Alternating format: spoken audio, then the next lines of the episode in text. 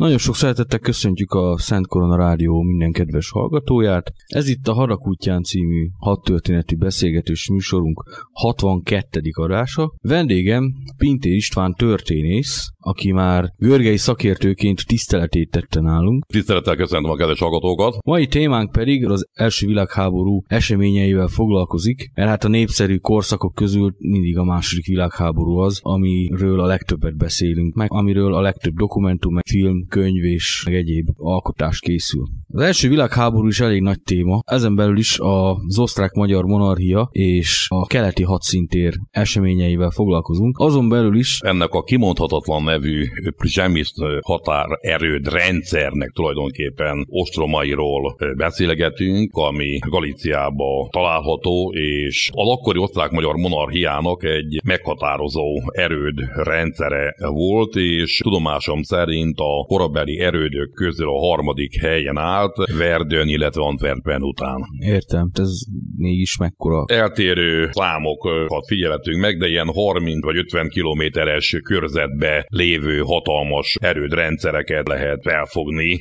Most itt nem akarok ugye visszamenni a török korba, hogy úgymond Egerváráig, az első világháború időszakában vagyunk, tehát egészen más fegyverrendszerek korába egy olyan erődrendszer, amely alkalmas lehetett arra, és alkalmas is volt, hogy a támadó csapatokat jelen esetben hogy az orosz csapatokat megállítsa. Gyakorlatilag 1873-ban kezdték el ezt a erődrendszert építeni, központja volt ennek a Prisemisnek a városa. A védelmi rendszer 8 védőköletből állt, ez a Szan és a Visztula folyó vonalának és a galíciai vasúthálózatnak ugye a lezárása volt. Egy egyfajta olyan végvárszerűség.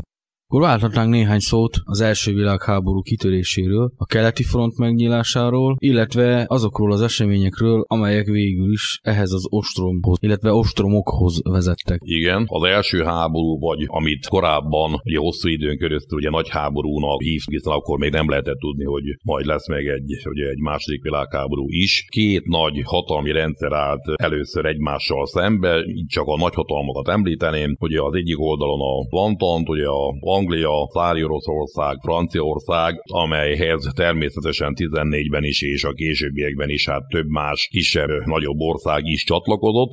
A másik oldalon pedig ugye a Hármas Szövetség, tehát Németország, osztrák-magyar monarchia, illetve Olaszországnak a szövetsége, de mivel 14-ben Olaszország semlegesség nyilatkozatot tett, hát tulajdonképpen a központi hatalmaknak a szövetségéről beszélhetünk, amely szintén egy-két kisebb vagy nagyobb ország Magyarország is csatlakozott még, támadta hátba, mert hát szerint megítélésem szerint másképpen nem lehet ezt megítélni. Az a Olaszország 1915-ben, amelyik ugye korábban, vagy a Hármas Szövetségnek ugye a tagja volt. Na most ezek voltak azok a nagyhatalmak, ugye, amelyek a tízes évekre már kialakultak. A nagyhatalmi ellentétek után... Miben állhatott ez az ellentét? A cári Oroszországnak, illetve hát a monarchiának ugye az ellentét, illetve a cári Oroszországnak a bal Balkánon való terjeszkedése, a Boszporusz, az Ardenálláknak hogy az elfoglalása, az angol-német ellentét. Gyakorlatilag ugye 1871 után Németország rendkívül dinamikusan gazdaságilag megerősödött, és először csak európai politikát folytatott, majd ugye a későbbiekben megpróbált bekapcsolódni a még meglevő gyarmatoknak a szerzésébe. Ez nyilván maga után flott, vonta a hadiflottának a nagymérvű fejlesztését, ami hát természetesen hosszabb távon ennek következtében ugye szembe került Angliá Angliával. Ki akkor már 301 a... néhány éve gyarmatosított. Úgy van. Azt is elmondhatnánk, hogy amit az egyiknek ugye lehetett, azt a másiktól mondjuk próbálták elvitatni. Egyrészt, másrészt pedig a kontinentális szerep kapcsán ugye a több évszázados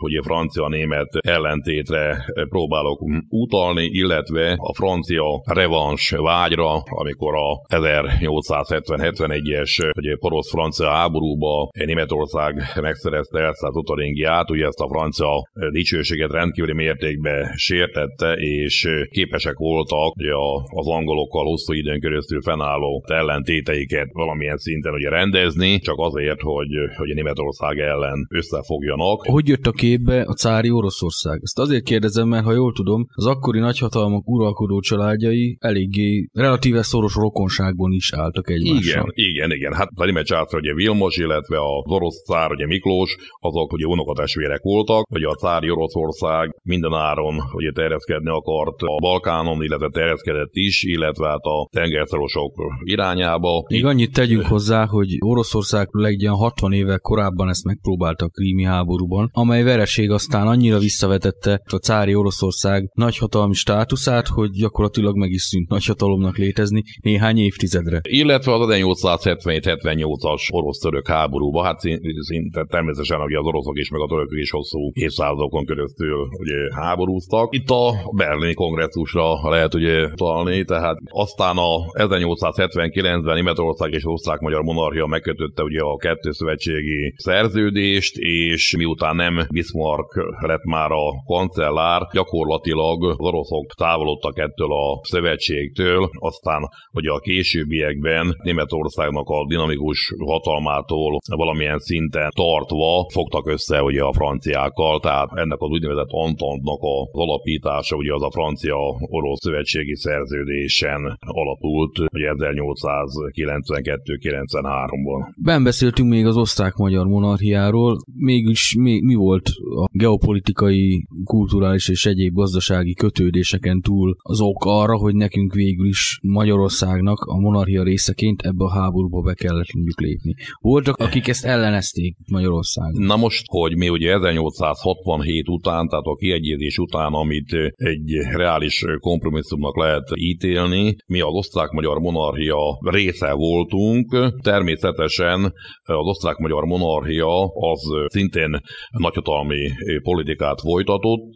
Gondoljunk csak a Ferenc József földre, az egyetlen gyarmatára, amit sikerült szereznie. Igen, igen. Na most én itt a, ugye a nemzetiségiekkel kapcsolatos problémákra gondoltam, amióta történt Magyarország területén elég sok nemzetiség élt. Ha azt mondom, hogy már 1848-ban ugye voltak olyan szerb politikusok, akik a, úgymond az önálló szerb vajdaságot követelték, ami azért akkor még szerint megítélésem szerint hát eléggé merész vagy utopisztikus gondolat volt, különösen akkor, hogy a későbbiekben ugye a Magyarország sorsa, hogy alakult. Még annyit mondjunk el Szerbiáról, hogy gyakorlatilag az osztrák-magyar monarchia déli része, és a mai délvidék, Bácska, Szlavónia egy egyes területei, illetve a török birodalom között volt úgymond fölosztva. Kajnak. A nagy ellentét, ugye 1878-ban ugye a monarchia katonailag elfoglalta a Bosznia-Hercegovinát, 1908-ban úgymond anektálta, és ez rendkívül hát kiélez. Tehát a monarchiának, illetve Szerbiának ugye a viszonyát, az látnivaló volt, hogy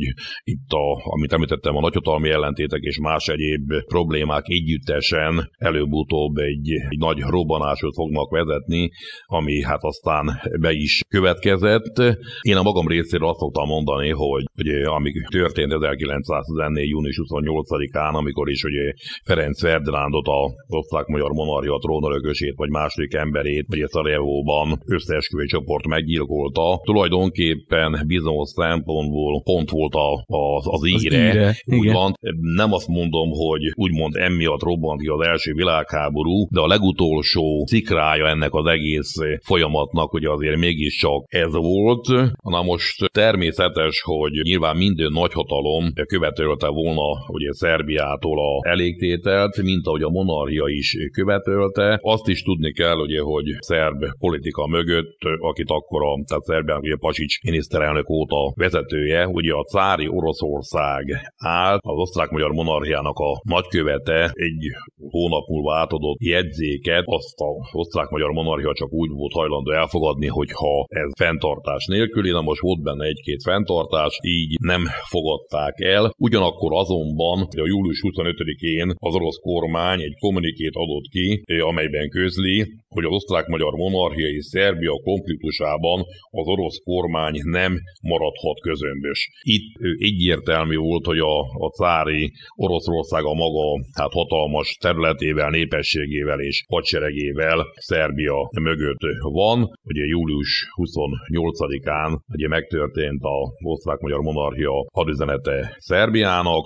Mellesleg teszem hozzá, ugye, hogy az a Gróf Tisza István magyar király miniszterelnök, akit aztán majd ugye a háború végén vagyonlőnek, ugye ő volt az, aki a háborút ellenezte, illetve nem akart szerb területeket elfoglalni, illetve a monarchiába bekebelezni, és utána augusztus elején hogy megtörténtek a hadüzenetek, és gyakorlatilag a osztrák-magyar monarchia, osztrák Szerbiának a konfliktusa, hát végül is, hogy a hatalmi rendszerek következtében, hogy a világháborúvá szélesedett, és tulajdonképpen hát így került sor a osztrák-magyar és orosz hadba lépésre is. Beszélhetnénk arról, hogy milyen haditervek voltak az osztrák, illetve orosz részről. Igen. Né, Na, hát a németet sem úgy van. ki. Osztrák-magyar monarchia, illetve Németország a központi hatalmak, amelyhez ugye 14-ben Törökország is csatlakozott, majd 15-ben pedig ugye Bulgária. Egy egyesített haditerv alapján próbáltak tevékenykedni. Ennek az volt a lényege, hogy a német hadsereg túlnyomó döntő többségét ugye Franciaország ellen csoportosítják. Itt a erős német jobbszányra helyezték ugye a hangsúlyt. Az volt a terv, hogy 6 hét alatt a rendkívül jól kiképzett, felszerelt fegyverekkel megfelelőképpen ellátott német hadsereg Belgiumon keresztül vonulva gyakorlatilag a francia hadsereget az erős német jobbszár segítségével elfoglalja Párizst, a francia hadsereget pedig megsemmisíti. Na most eddig az időpontig a német hadsereg hát bizonyos szempontból nagyon kicsi hányadának, illetve az egész osztrák-magyar haderőnek fel kellett tartóztatni a lassabban előnyre nyomuló orosz hadsereget, legalábbis a osztrák, magyar és a német vezérkarnak ugye az volt az elképzelése, hogy a cári Oroszország, vagy elmaradott ország révén vasútvonalak, stb. stb. Tehát hosszú időt vesz igénybe az, ameddig a, a hatalmas orosz hadsereg ugye megfelelő erőkkel ugye föl tud vonulni. Eddig az ideig feltartóztatja ugye a cári orosz hadsereget, majd miután nyugaton a német hadsereg győzelmet arat, akkor az egész német haderőt átozzák a keleti frontra, és az egész német hadsereg, illetve az osztrák-magyar monarchia haderői veszik fel a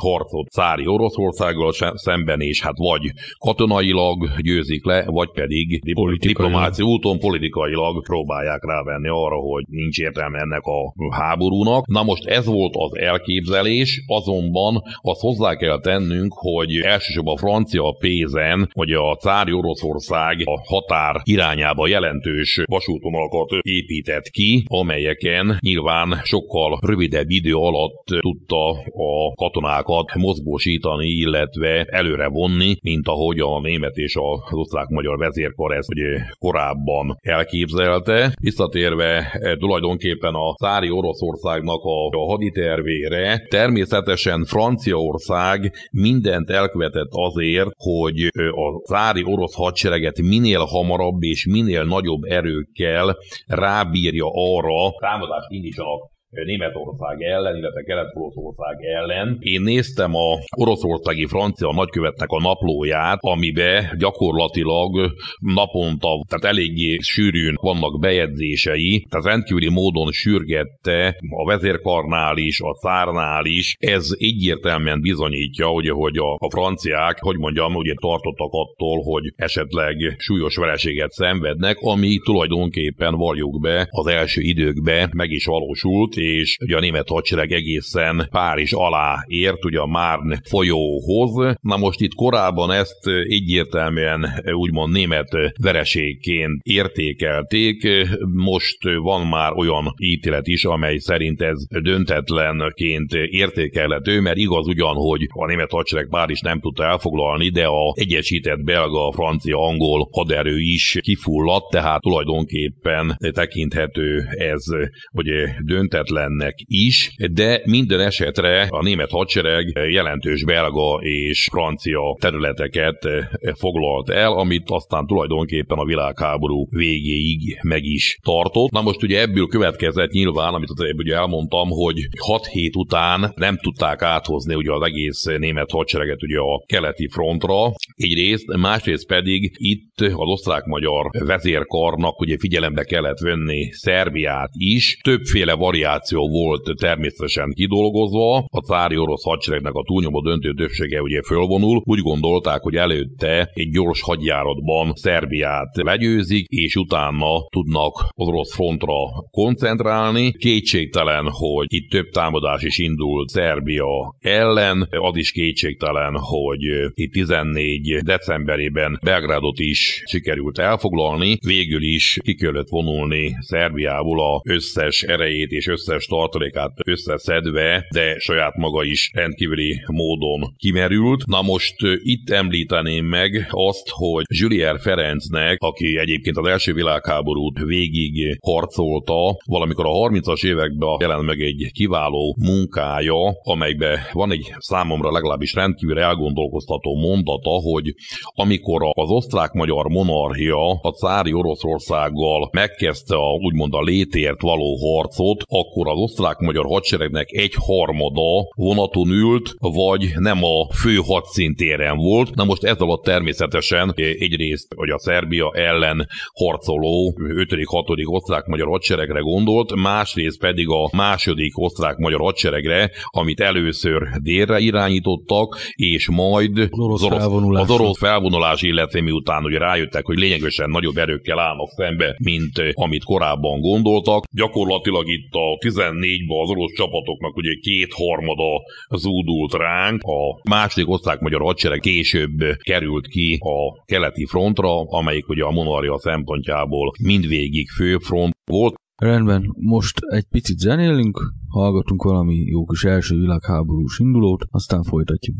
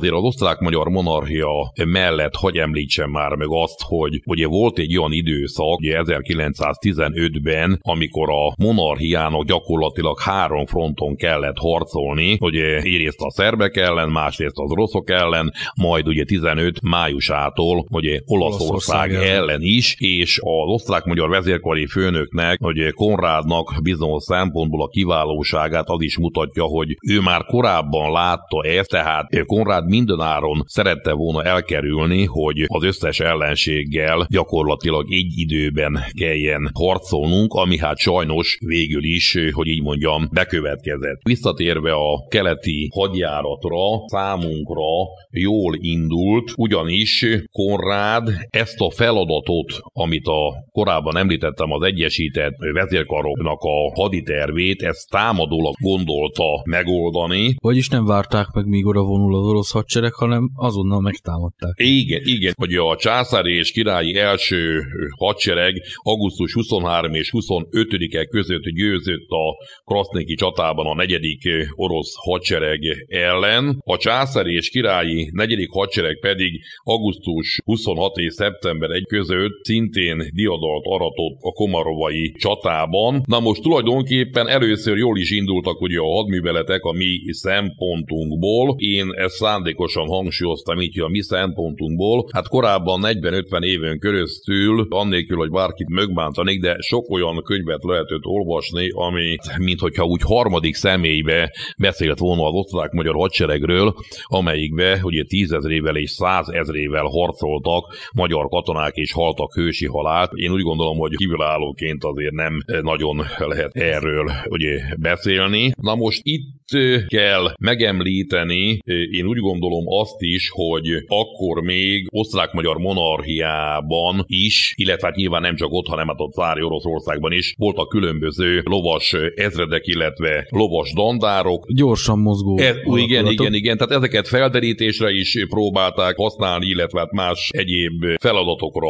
is. Egy példát mondjak, hogy Stojanovnál a magyar királyi 24. honvéd lovasdandár 5. kassai és 9. marosvásárhelyi ezrede körülbelül 1800 lépés távolságból nyílt terepen kezdte meg a rohamot, és söpörték el az orosz gyalogságot és lovasságot. A Stojanovi halálfélemet nem ismerő rohama rettegetté tették a magyar huszár nevét. Magyar huszárságnak a tevékenysége itt 14. augusztus szeptemberében olyan volt, aminek a következtében ugye a magyar huszárok kiérdemelték a vörös ördög elnevezést. Gondolom, hogy ezt azért valamilyen katonai teljesítménynek nyilván, hogy be lehetett tudni. Még ide egy gondolat, Igen. pedig a cári orosz hadseregben is a lovasságnak régi hagyománya van. Gondoljunk csak az ulánusokra, vagy akár azokra a kozákokra, akik Úgy van. aztán még rengeteg borsot törtek igen, az orrunkkal. Igen, kétségtelen, ugye nyilván nagy tömegben is, és hát azok is hát jó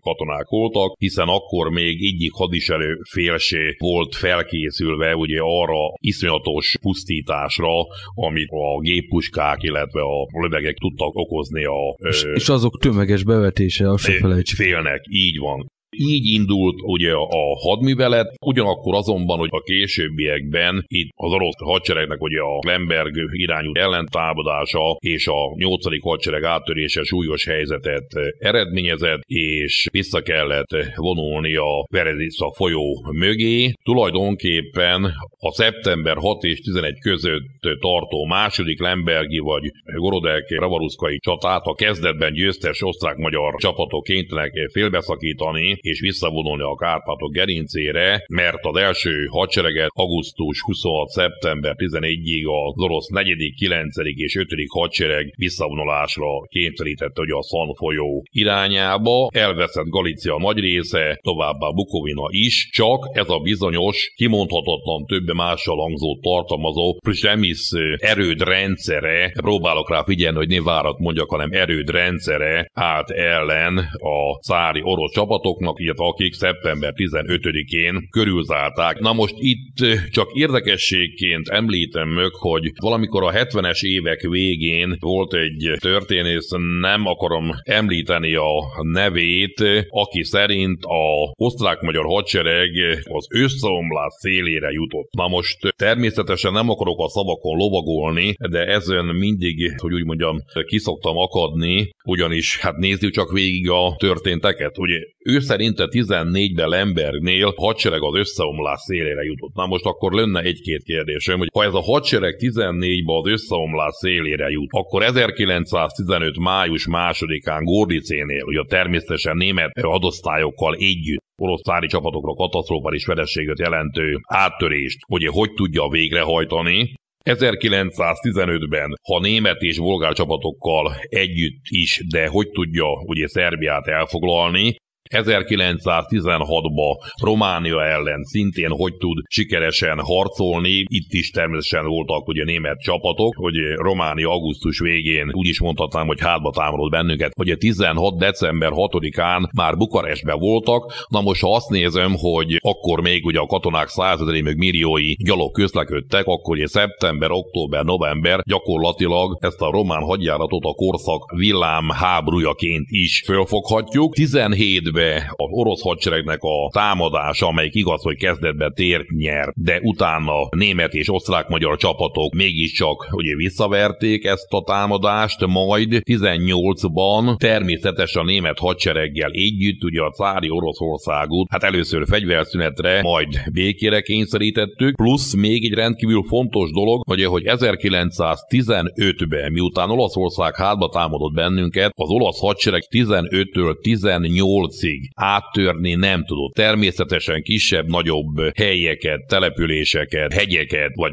például Görszvárosát el tudták foglalni iszonyatos veszteségek árán, de magát az egész osztrák-magyar védelmi rendszert áttörni nem tudták, sőt, mi több, és itt a védelemben csak osztrák-magyar csapatok voltak. Túlnyomó részt magyar csapat. A, és ugyanakkor 17. október 24-én ugye az úgynevezett kaporettói áttörésben, ahol hát szintén voltak német hadosztályok, hiszen hát szövetségesek voltunk. És amiről majd egy külön adással is foglalkozunk I- igen, az olasz hadseregre katasztrofális vereséget mértek, tehát Olaszország a tönk szélére jutott. Na most lehet, hogy egy kicsikét hosszúnak tűnt a felsorolás, de most akkor visszakérdeznék, hogy akkor ez a hadsereg hogy tudott 1914-be az összeomlás szélére jutni, amit az egyik neves hadtörténész, ugye a 70-es években írt könyvében állított.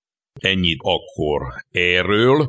Tulajdonképpen el is jutottunk a erődnek ugye az első körülzárásához, vagy ostromához. 1914. szeptember 17, illetve október 12-e között. Durván egy hónap. Igen, igen. Na most itt természetesen hozzátönném, hogy akár az első, akár a második körülzárásnak a dátumaként, illetve napokban eltérések vannak, mint ahogy természetesen más hadtörténeti témákban is. Az erődrendszer 9,5 orosz hadosz osztályt kötött le, a magának az erődrendszernek a parancsnoka Kusmanek Herman gyalogsági tábornok volt. Az erődöt a Ratko Dimitriev altábornai parancsnokság alatt álló harmadik orosz hadsereg vette ostrom alá. Na most itt erről a tábornokról tudni kell, hogy nevéből is hallatszik, hogy ez egy bolgár tábornok volt, aki orosz szolgálatban állt, és hát itt mindenáron bizonyítani akart, úgyhogy az orosz katonáknak a az életével, illetve a vérével hát különösképpen nem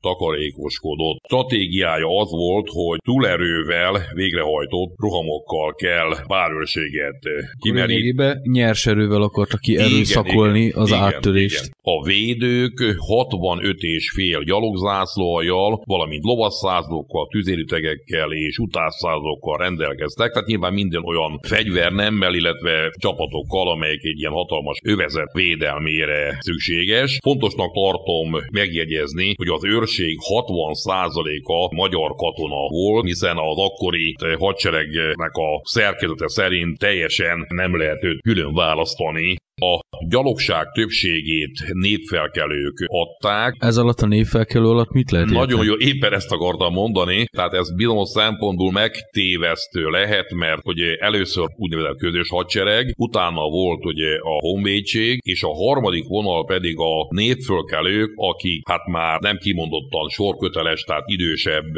emberek voltak, ugyanakkor ez is kötelező volt, tehát nem a szónak abban az értelmében, Akkor hogy... kötelező volt a népnek így most Hát kötelező volt ez a bizonyos névfelkelés, igen. Így a Magyar Királyi 97. gyalogdandár, a Császári Királyi 85. lövész és 93. gyalogdandár, a Császári Királyi 111. gyalogdandár és a Császári Királyi 108. gyalogdandár. Annyi, hadd kérdezzek igen. még, hogy az osonlottak létszáma, csak hogy a hallgatók is nagyjából el tudják képzelni, az hogy nézett ki? Gyakorlatilag itt egy 120 ezer főnyi volt a, a várnak az őrsége. Egyébként a, a magyar legénységű, ugye Csongrád megyei ember lévén a Szegedi Magyar Királyi 23. Honvéd gyaloghadosztály volt az egyetlen sor alakulat. A parancsnok a Tamási Árpád altábornagy volt. Ennek a keretében az 5. Honvéd gyalogezredben nagyon sok ugye vásárhelyi katona is szolgált, és egyébként ez a hadosztály volt az, amelyik majd a későbbiekben a különböző kitöréseket végrehajtotta, amelyeknek hát a megítélése nem biztos, hogy mindig egyértelmű. Egyrészt ezek szétzilálták az ostromgyűrűt, sőt, még ugye a galiciai hadmozdulatokat is segítették. Na most itt az erődrendszer védői 18 nagyobb kitörést hajtottak végre. Október másodikán az orosz parancsnokság megadásra szólította fel a védőket. Hát Hát természetesen ugye erre nem került sor. Utána október 5 és 7-én tűzjelségi előkészítés után általános roham indult az erődök ellen. Volt egy úgynevezett 72 órás halál roham is. Október 5-én a császári király és magyar királyi csapatok visszaverték őket. Október 6-án föld alatti munkával közelítették meg az erődöt az ostromlók, de ez a kísérletük is kudarcba fulladt. Már itt konkrétan aláaknázták mondjuk egy falat, vagy vagy, hogy, hogy, hogy nézett Igen. ez? Október 7-én hajnalban az oroszok rohamra indultak, Ennél a támadásnál egy orosz gyalogezred bejutott a külső erődök vonalába, egyik zászlajuk bejutott az 1 per 1-es várműbe, ahol a leghalevesebb küzdelem folyt, végül is a császári király, valamint a magyar királyi csapatok kiverték az ellenséget a erődből, illetve Cékú Zoltán munkájában olvashatunk arról is, hogy a magyar katonák október 11-én és 12-én még egy kitörést hajtottak végre, hogy a, az oroszok visszavonulását gyorsítsák. Az oroszok vissza is vonultak a Szan keleti partjára. Érdekes dolog, hogy egy-egy ütközetnél vagy csatánál ugye a ostromlóknak a, a vesztesége. Itt több hadtörténeti munka az oroszok veszteségét 70 ezer főben határozza meg. Halottak és sebesültek Pontosan együtt. így van. A, a veszteség az nem azt jelenti, hogy természetesen mind meghalt, hanem hát halottak is, sebesültek, eltűntek, illetve hát hadifogságba esettek együttesen. Ugyanakkor olyan forrással is találkoztam, amelyben Zsamiszlén az oroszok nem akartak rohamra menni, akkor hátulról gépuskákkal segítették, segítették, illetve ösztönözték őket. Hát ugye aztán később majd a második világháborúban ezt, hogy úgy mondjam, tökére fejleszték a vörös hadseregben. Úgy, ugyanakkor olyan munkákkal is találkoztam, amelyek az orosz csapat csapatok 40 ezer fős veszteségéről írnak az első ostrom alatt, ugyanakkor Szabó László hadtörténésznek még a 82-ben megjelent munkája egy olyan 20-25 ezer fős veszteségről ír. Akkor elég széles skálán é, mozognak a igen, számok. természetesen lehetnek különbségek a veszteségek megítélésénél, de azért ez a nagy különbség azért elgondolkoztató. Érdekes, hogy Bruszila orosz tábornok a Cár Árnyékában című könyvben a veszteségeikről ugye egyáltalán nem ír. Valószínűleg érthető okokból. Valószínűleg úgy van. még egy pár szóval beszéljünk a védők veszteségeiről, hogy az mégis mennyiben áll arányban a támadó. Igen. Na most itt... Most azt Clausewitz-től tudhatjuk, hogy megerődített helyeknél minimum háromszoros túlerő kell ahhoz, hogy egyáltalán érdemes legyen belevágni egy ilyen ostromba. Természetesen az akkori erődrendszereknek hogy a támadása erő összpontosítást jelent. Na most itt Szabó László osztrák-magyar csapatoknak, hogy veszteségét körülbelül olyan 2000 főre teszi, ez az erődrendszer őrségére vonatkozott. Én nagyon sok olyan könyvvel, földolgozással találkoztam, amely hát kirívóan ecsetelte a osztrák-magyar csapatoknak a veszteségeit, de valahogy elfelejtették odaírni a orosz csapatoknak a veszteségeit. Kétségtelen, hogy súlyosak voltak a veszteségeink a világháború kirobbanásától az év végig, de gyakorlatilag 14 végére a négy szárazföldi nagyhatalom vesztesége, tehát Franciaország, Osztrák-Magyar Monarchia, Oroszország, illetve Németország körülbelül egy-egy millió fő volt. Na most itt beszéltem hogy arról, hogy a első ostrom alatt volt egy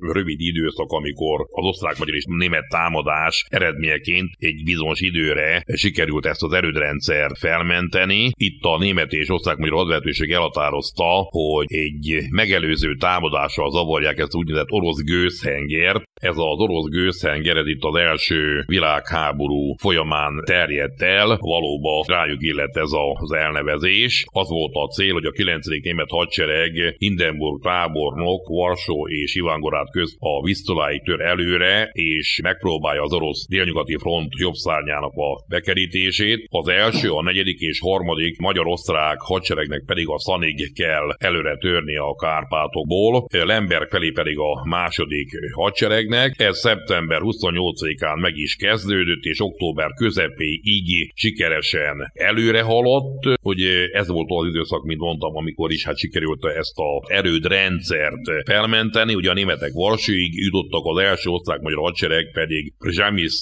felszabadította. Az oroszok azonban négy hadsereggel ellentámadást indítottak. Ez november elejéig tulajdonképpen visszavonulásra kényszerítette a a támadókat, majd november elején ezt a Przemysl erődrendszerét újra körülzárta. Itt úgy gondolom, hogy az a tény, hogy innentől számíthatjuk hát ennek az erődrendszernek a második ostromát. Most elmegyünk egy kis zeneszünetre, és utána folytatjuk.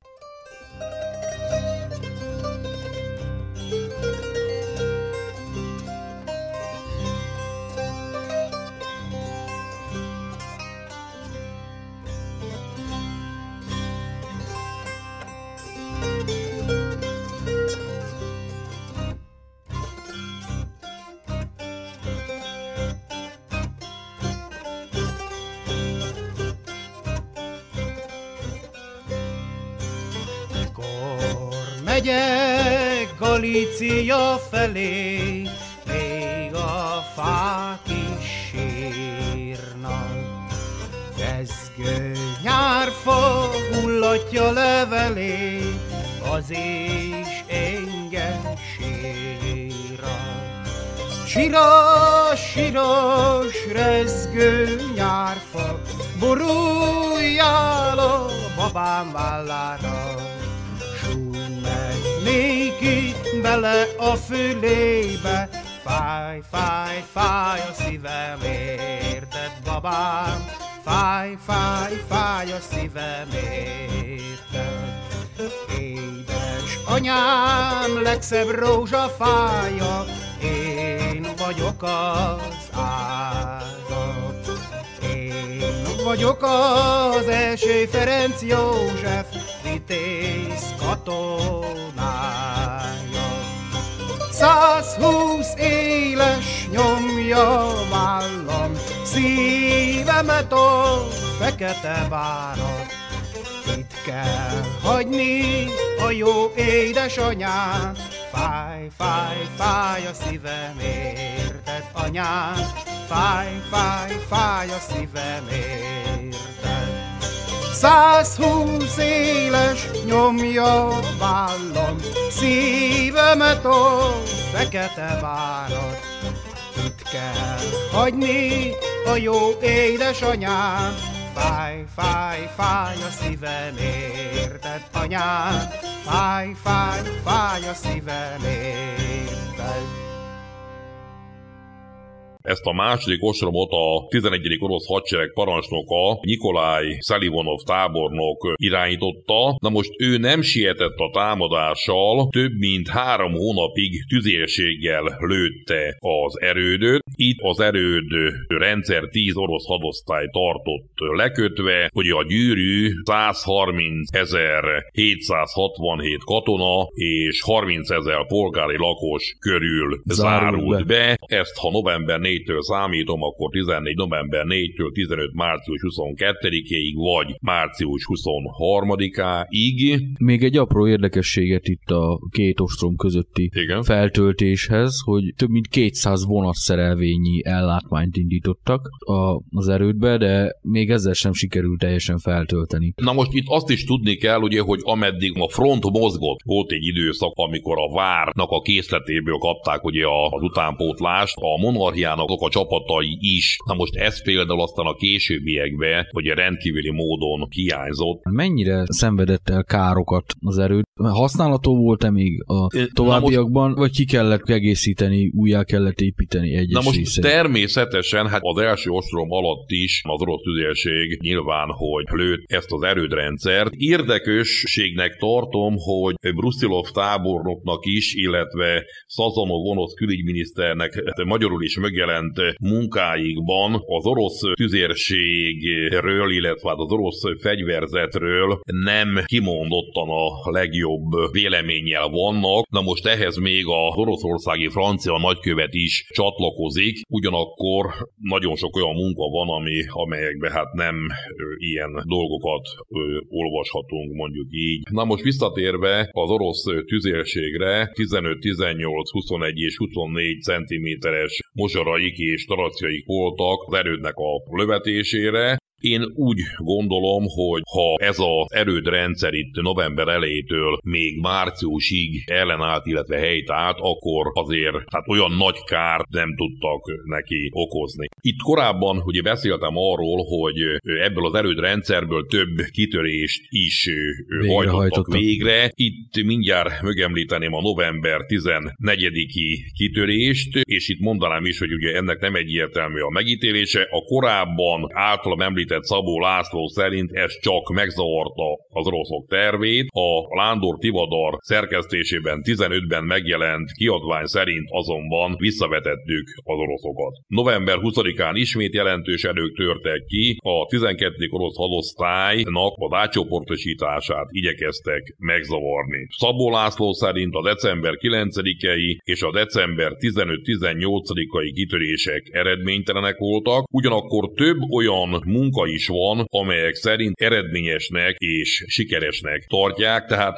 tulajdonképpen ezek a kitörések azt mutatják, hogy, hogy erőtrendszernek a parancsnoksága nem csak passzív módon tűrte azt, hogy, hogy ők védekeznek, hanem hát tulajdonképpen a legkülönbözőbb helyekön kitörve zaklatták ugye a orosz erőket. Állítólag jelentős számú, legalább 20 ezer ló is tartózkodott persze, az erődben, és persze. ezeket is a hosszú ostrom után kénytelenek voltak levágni. Ha már itt a lovak szóba kerültek, az élelemnek rendkívül nagy jelentősége volt. Az akkori erődrendszereknek a tartása szempontjából, hát azért gondoljuk el, hogy azért ennyi embert hosszú hónapokon keresztül táplálni, illetve hát természetesen a lovakat is élemmel ellátni nem kis dolgot jelent téli időszakokban, hogy a katonáknak a fizikai ereje természetesen lassan hanyatlott, mint ahogy a kellő lótáp hiányában, hogy az állati vonóerő is csökkent. Emiatt és a csökkenő húskészletek pótlására határozta el a parancsnokság, hogy a lovak egy részét levágatja. December 7-én kezdődött meg a lóvágatás, azután szerepel a lóhús a napi ellátásban. Olvastam én egy forrást, a Mészáros Vilmos az Emlékeim az első világháborúból című könyvét. Ebben írja, hogy amikor felderítésen voltak, vagy járőrben voltak, és orosz katonákkal találkoztak itt a második ostrom során, december tájékán, ezek az orosz katonák nyerítéssel adták tudtukra, tudják, hogy fogytán van az élelmük, és ugye lóhúst esznek. Karácsonykor hallgatólagos fegyvernyugvás volt, ez több forrás is megerősíti, hogy ekkora katonák jobb ellátást kaptak. A hadsereg parancsnokság ugye mindent próbált elkövetni, hogy a katonáknak a hangulatán javítson. Ennek a keretében jelentették meg a tábori újságot, ezt tett a, a legtöbbet bizonyos szempontból. Először csak hadjelentések szerepeltek ebben a labban, később aztán ugye novellák, verseg is, nagyon ismert Jóni Gézának költeménye az újságban, ugye többek között a csak egy éjszakára című csodálatos verse is. Magát az erődrendszer az akkori korabeli repülőgépek megpróbálták megközelíteni, illetve leszállni. Természetesen az orosz tüzérség tüzet nyitott rájuk, és megpróbáltak egy ilyen Légi a, a, a katonáknak a leveleit továbbítani, illetve otthonról is levelet hozni. Ez is le van írva, hogy azok, akik otthonról levelet kaptak, vagy egyáltalán el tudták juttatni a levelüket, hogy az mennyire lelkesített, illetve motivált a katonákat. December 27-én újabb kitörés történt, hogy megkönnyítse a harmadik hadsereg helyzetét. Először előnyomulás, majd orosz ellentámadás, és hát 28-án osztrák-magyar csapatok visszavonultak. 1915. januárjában és februárjában ugye a város kereskedései lassan kiürültek, februárban már az egész városban éhínség dúlt, az embereknek a kenyérhiánya volt elviselhetetlen, a katonák helyzetét pedig a téli felszerelés hiánya jelentős mértékben nehezítette. Itt érdekesnek tartom megemlíteni, hogy ez az oroszoknál is probléma volt, tehát nem kimondottan csak osztrák-magyar csapatokra volt ez jellemző. Na most itt az orosz csapatok február 9 és 16, majd február 18-19-én, illetve március 13-16 között indítottak támadást az erődrendszer ellen. A védők ezúttal is hősiesen helytáltak egészen addig, amíg volt mit enniük. Az oroszok csak néhány kisebb előtérállást tudtak elfoglalni. Végül is a védők részéről az utolsó kitörés 1915. március 19-én történt, és sajnos ez kudarccal végződött, ugye hát akkor már legyengült állományról van szó. Súlyosak voltak ugye a veszteségek, több hónapos heroikus helytállás után azt lehet mondani, hogy az éllemnek a hiánya és a katonáknak a szinte teljes fizikai leromlása idézte azt elő, hogy végül is kénytelen volt ugye a várparancsnokság ezt az erődrendszert végül is az, az oroszoknak átadni ami még megmaradt, készlet, ágyú, hidakat felrobbantották, tehát nem akarták az ellenségnek ezt átadni. Ezek után történt meg ennek az erődrendszernek ugye az átadása 1915. március 22-én. Itt 117 ezer katona, illetve altiszt, 2593 tiszt és 9 tábornok került orosz hadifogságba. Szerény megítélésem szerint felemelt fővel távozhattak, és ezt még az ellen ellenség is elismerte, amit többek között azzal honoráltak, hogy például a tisztek a oldal fegyverüket, tehát a kardjukat ugye megtartották. Ez, ez sok szempontból azért még más. Egy lovagiasabb korszak. Sokkal lovagiasabb, sokkal lovagiasabb volt. Itt még egész más szabályok uralkodtak, mint aztán későbbiekben. Beszélhetnénk még a hadifoglyokról, arról a 101 néhány ezer emberről. Az ő sorsuk hogyan alakultak továbbiakban? Én idős magyar katonáktól katonáktól, tisztektől hallottam elbeszéléseket, tehát akkor még azért a hadifogság se olyan volt, mint aztán később ugye a második világháborúban, és több éves hadifogság után ezeknek a katonáknak egy jelentős része azért mégiscsak hazakerül, de kimondottan külön a, a hadifoglyuknak a, a helyzetét nem kutattam. Na most itt a korábban említettem, hogy a Szabó Lászlónak ezt a könyvét. Na most itt egy pár dolgot, hát sajnos kénytelen vagyok felolvasni, mert úgy gondolom, gondolom, hogy ezután egy-két dolgot hozzá kell, hogy tegyek, mégpedig a hősi halált halt magyar katonák védelme érdekében, és akkor itt most szó szerint idéznek egy pár dolgot. Ezeknek a csapatoknak a harcértéke nagyon gyenge volt, mármint az osztrák-magyar csapatokról van szó. Személyi állományuk zömmel idős, erkölcsileg és testileg katonai szolgálatra alig alkalmas katonákból áll. Parancsnokaik túlnyomó részben gyengén kiképzett névfelkelő tisztek voltak, akik a megerődített körzetekben években folyó harc követelményeit hírből sem ismerték. Az erődök löveganyaga a korszerű követelményeknek nem felel meg. Az egyik helyön talán még olyannal is találkoztam, amikor a, a katonákat lopással gyanúsítottam meg ez a bizonyos szerző, Városban ezrével tolongtak a különböző ezredekhez tartozó katonák, senki sem tudta hová merre menjen. A napok óta éhező emberek tömegesen törtek be, boltokba, lakásokba ennivalót kérni, nem egyszer rabolni. Én a magam részéről ezeket az idézeteket megdöbbentőnek tartom. Tulajdonképp, ha összefoglalom, akkor ugye azt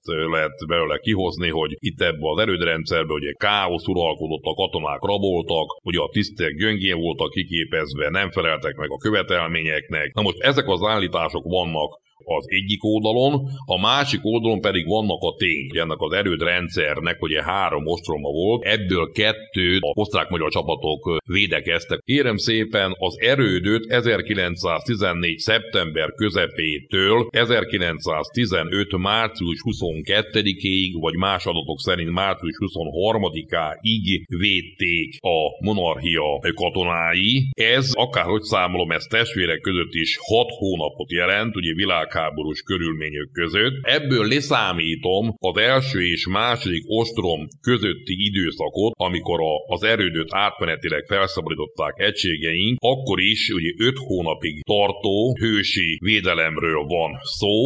Csak egy-két példa, ami természetesen dokumentálható, hogyha hozzáteszem, hogy különböző belga erődöket, például Lüttiket augusztus 5-től 16-áig védtek a belga katonák. Namurt augusztus 21-től 24-ig. Antwerpen, amit említettem, hogy egy igen jelentős erőd volt az is, a szeptember 28-ától október 10-ig tartották, valamint Brusilov tábornok adatai szerint, ez szándékosan itt mondtam, hogy ha rosszat írt, akkor lelke rajta. Brest-Litovsk harc nélkül megadta magát, Novogeorgiev pedig egy hétig védekezett. Na most úgy gondolom, hogy ezek ma akár a nyugati hadszintéről, akár a keleti hadszintéről vett példákból érthetjük meg egyértelműen, hogy mit jelentett ennek az erődrendszernek ugye a hat hónapig vagy öt hónapig tartó heroikus hősi védelme, hiszen itt a példák alapján egy hétig, tíz napig tartottak egy-egy erődöt, akár a nyugati hadszintéren, vagy itt, amit Bruszlov tábornok írt. Tehát, hogyha ebbe az erődbe minden ennyire rossz volt, hogyha itt káosz volt, ha itt a katonák ennyire rosszak voltak, ennyire nem voltak kiképezve, a tisztök ennyire nem tudták a dolgokat,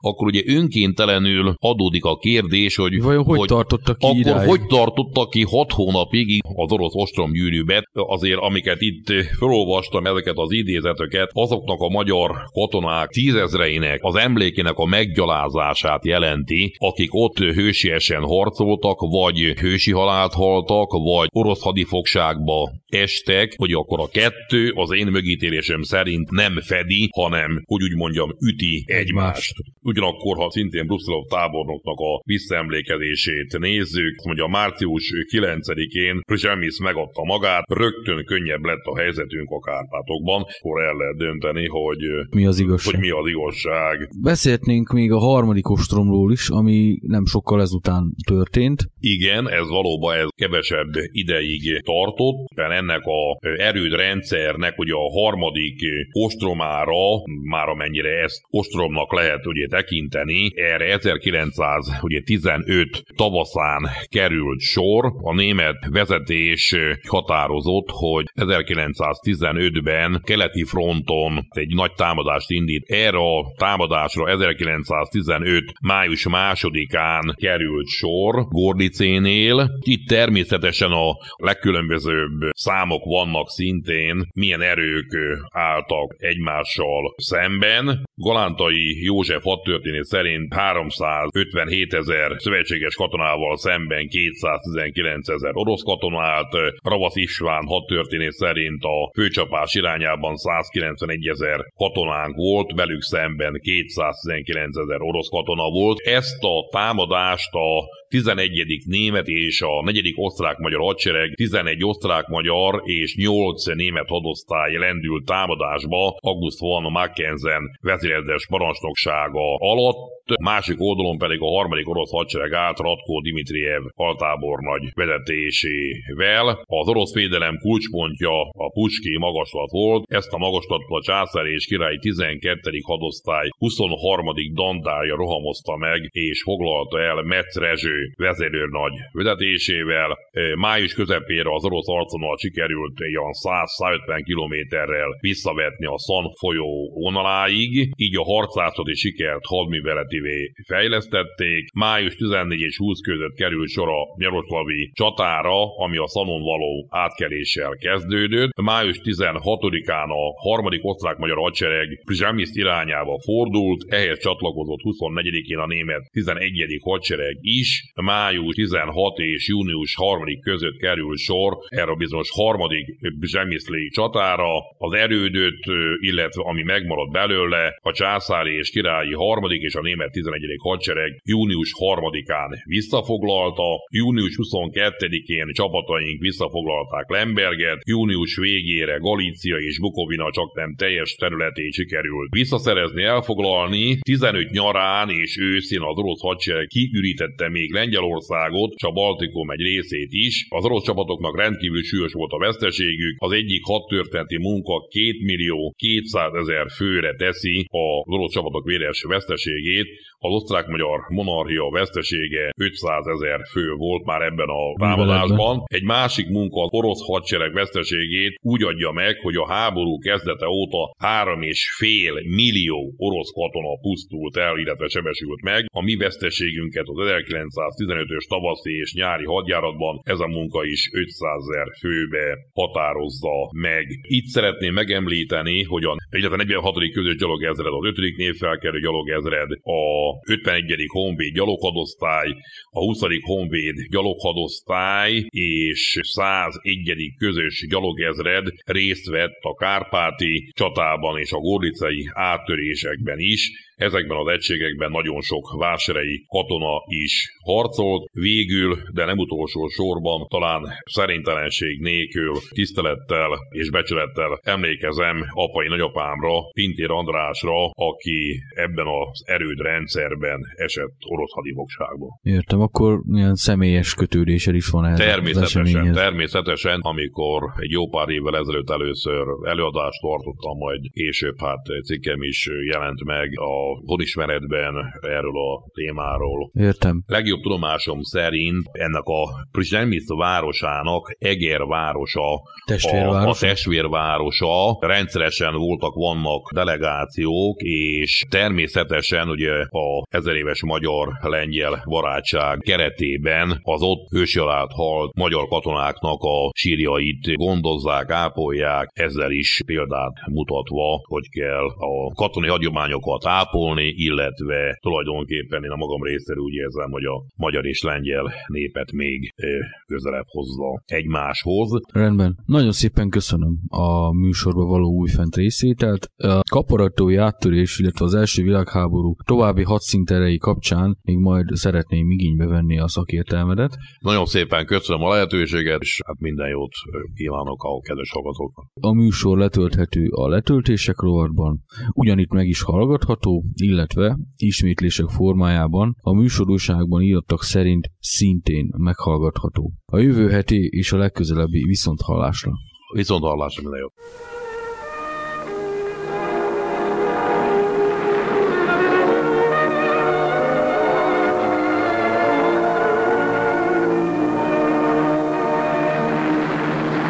Karó borítja a muszka földet szertetét. Megremeg a föld, amerre magyar honvéd lába lép. Vér folyik a hóvezőre, de a honvéd csak előre menetel. Sötét orosz éjszakába, csak a halál muzsikája énekel. Édesanyám, drága lelkem, ne sívhasson soha engem, ne féljön. Legyen büszke a fiára is, hazatérek nem sokára, remélem.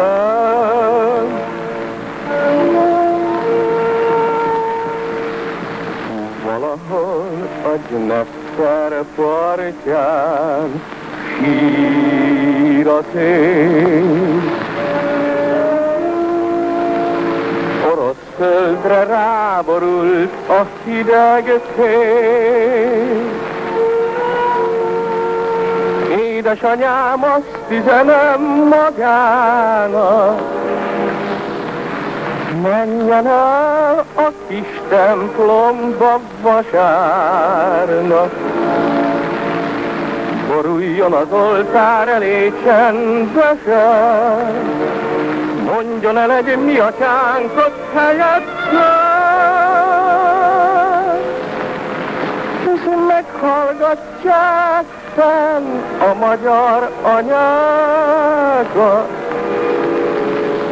Imádkozzék értem anyám. Meghallgatják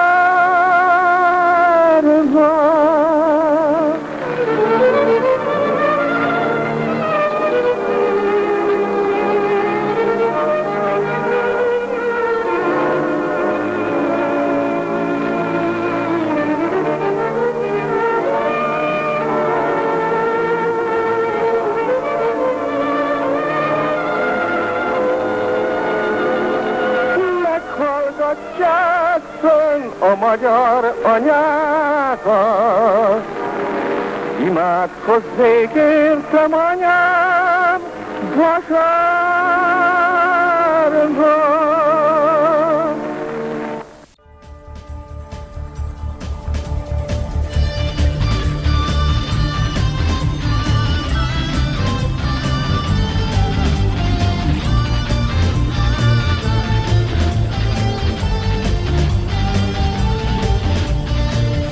www.szentkoronarádió.com A tiszta magyar hang.